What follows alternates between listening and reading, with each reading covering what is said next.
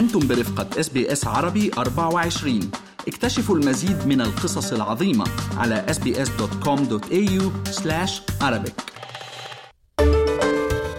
عالم العقارات.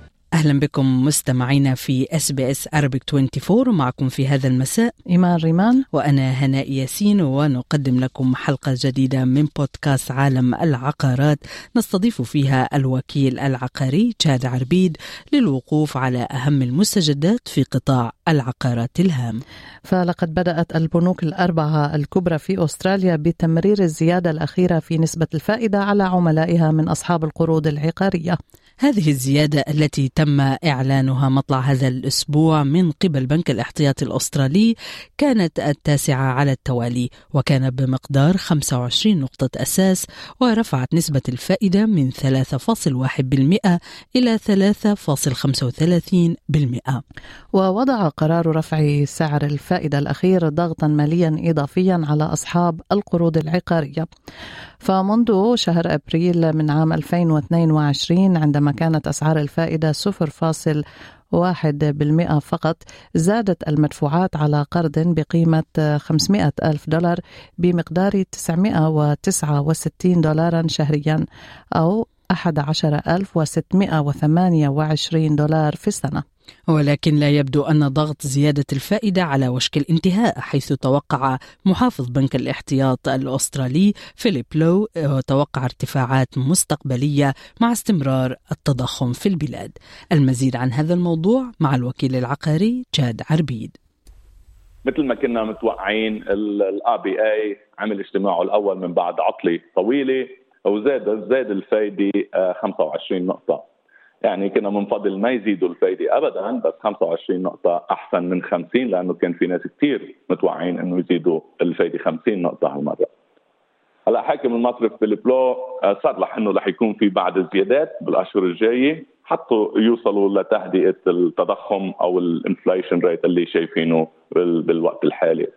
هيدي تسع زيادة متتالية لحتى وصلنا ل 3.35% ناو الكاش ريت وهيدي أعلى نسبة من سنة 2012 بنوصل لها وأول مرة بتصير تسع زيادات متتالية من سنة 1990 زيادة 25 نقطة يعني البنوكي مثل ما قلتي آه، هنا إنه بلشت تزيد الفايدة على آه، أصحاب القروض آه، وشفنا نحن إنه مثلا ال variable rate هلأ طلعت ل 6% يعني اللي كان عنده قرض حوالي 750 ألف زادت دفعته كل شهر 114 دولار من آخر interest rate rise ال 25 نقطة. آه، وحوالي 1362 دولار بالشهر زادت دفعته آه، من وقت ما بلشت تعلى الفايدة من May last آه، year إذا زيادة أصبحت واقع على أصحاب القروض العقارية حول أستراليا.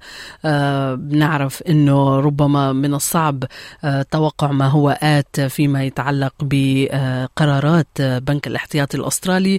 لكن المحافظ لهذه المؤسسة الاقتصادية الهامة كان لمح بوضوح في الآونة الأخيرة عن الخطوات المحتملة المقبلة. شو يا ترى ممكن نقرأ من هذه التصريحات.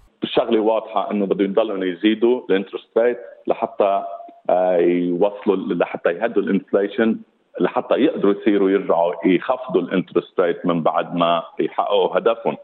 أنا أكيد لحتى يعمل هيك ال RBA لازم يضلوا مخلي عينه على شو عم بيصير بالاقتصاد العالمي آه، قديش صارت نسبة البطالة بالبلد شو المصروف العالم عم بتهدي مصروفها أو لا وأكيد عينهم على التضخم. ما في شك إنه الحرب بأوكرانيا وروسيا هذه عم بتأثر علينا. في شيء كان ملفت للنظر في آه، من ال CBA Bank Gareth Aird كان دائما يقول إنه بس توصل ال interest rate ل 3.35% رح توقف وما بقى رح ترتفع امبارح آه، تصريحه تغير عم بيقول إنه هلأ بعده متوقع آه، زيادة another 50 نقطة ب 25 نقطة بمارس و25 نقطة بأبريل. يعني هو بيعتقد هلا إنه رح تطلع ال interest لحوالي ال cash rate يصير 3.85%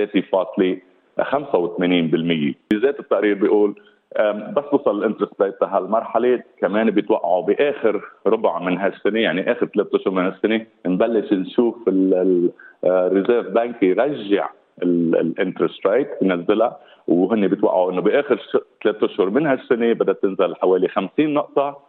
وبأول ثلاث أشهر من سنه الجاي كمان بدها ترجع تنزل 50 نقطة. أكيد هيدا توقعات يعني مدروسة من عندهم بس كله آه، رح يمشي حسب شو بيصير بال market وحسب شو بيصير بال inflation rate من هلأ لآخر السنة. اذا هناك توقعات بتحسن الوضع نهاية هذا العام بداية العام المقبل، لكن بنعرف جاد إنه بالنسبة لكثير من الناس هذه مدة طويلة، البعض يقول إنه الخيارات بإيديهم أصبحت محدودة جدا وقليلة، ما هي ردة الفعل يا ترى لدى المواطن العادي عندما يواجه مثل هذه الارتفاعات المتواصلة لسعر الفائدة، شو اللي بيصير على الأرض الآن في تعامل الناس مع قرار ال RB A؟ لناخذ فكرة واضحة بس بنقول شو صار بسيدني كان بالاخص بمنطقة بندل هيل في هونيك موكج بروكر يعني وسيط رهن عقاري عم بيقول إنه بآخر ثلاث جماع كان عندهم إقبال كثيف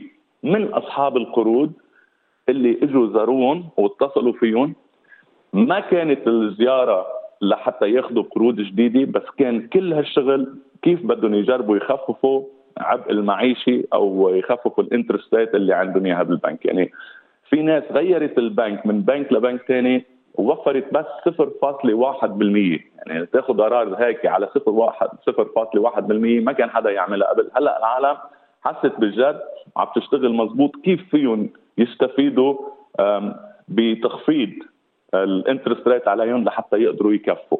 تيم تشارلز ال treasurer يعني قال إنه الحكومة على علم قديش العالم عم بتعاني والظروف الصعبة اللي العالم عم تمرق فيها.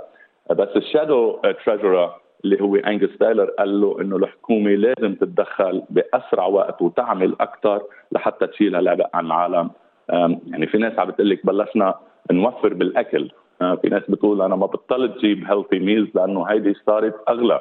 عم باكل موجود عم بنتبه لمصروفي بالأكل والشرب. في هلا جهد جدي من العالم تتخفف مصروفها مثل ما كنا نحن حاسين ونحن كلنا عم نعمل. بعد الزيادة الأخيرة في نسبة الفائدة على القروض شهدنا تشاد هجوم شخصي على محافظ بنك الاحتياط الأسترالي فيليب لو.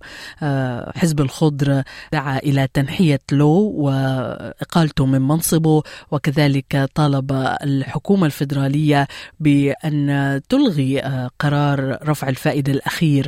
مع احترامي لل initiative أو الاقتراح أكيد مبين إنه قديش العالم زعلانة من فيليب لو شو عمل فيهم هن بنظرهم ورطهم اعطاهم وعد إنه ما رح تطلع ال interest rate لسنة 2024 آخر 23 24 قامت العالم اشترت وأخذت قروض كبيرة.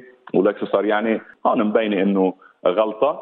كان لازم يكون منتبه أكثر قبل هالتصريح. بقى صار في مثل مثل مشاكل شخصية معه صاروا بيطلعوا فيه كأنه هو اللي سبب هالفوضى كلها.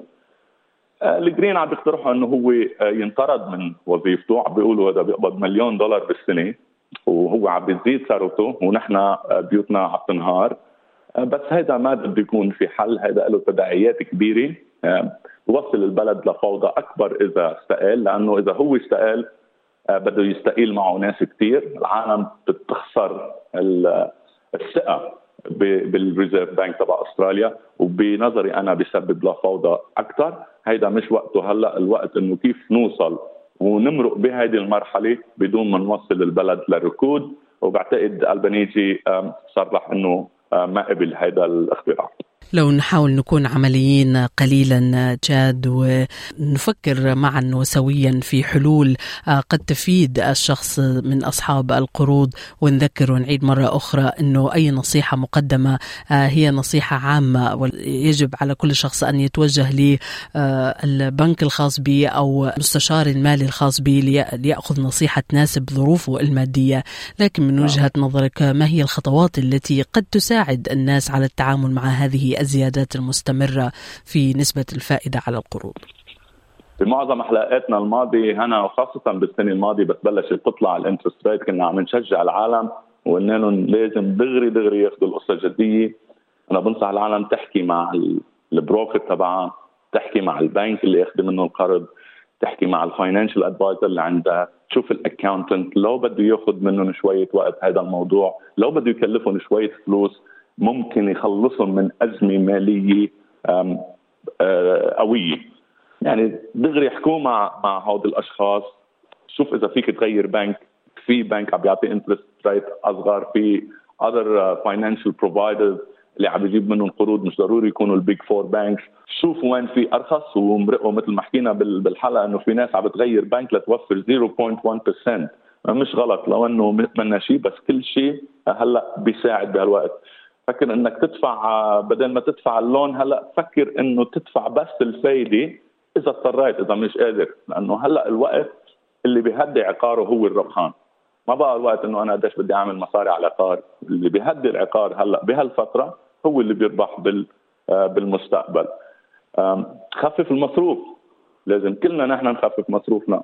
مبين إنه لحد هلأ لبلشت العالم تحس بشو عم بيصير ما بتسمعي إلا يعني كل مين تحكي معه بقول لك عن غلا المعيشي غلا المصروف خفف واحد مصروف يضب إيده شوي يعمل بفر لدفعاته ما يوقع بهالمأزق اللي آه، ممكن يدمر له حياته الاقتصادية إذا ما انتبه هلأ. الوكيل العقاري تشاد عربيد شكرا على وجودك معنا ضيف حلقة هذا الأسبوع من بودكاست عالم العقارات. استمعوا الآن إلى الموسم الثاني من بودكاست أستراليا بالعربي. أحدث إصدارات إس بي إس عربي 24 يأخذكم في رحلة استقرار بعض المهاجرين العرب ويشارككم بأبرز الصدمات الثقافية التي تواجههم عند وصولهم إلى أستراليا.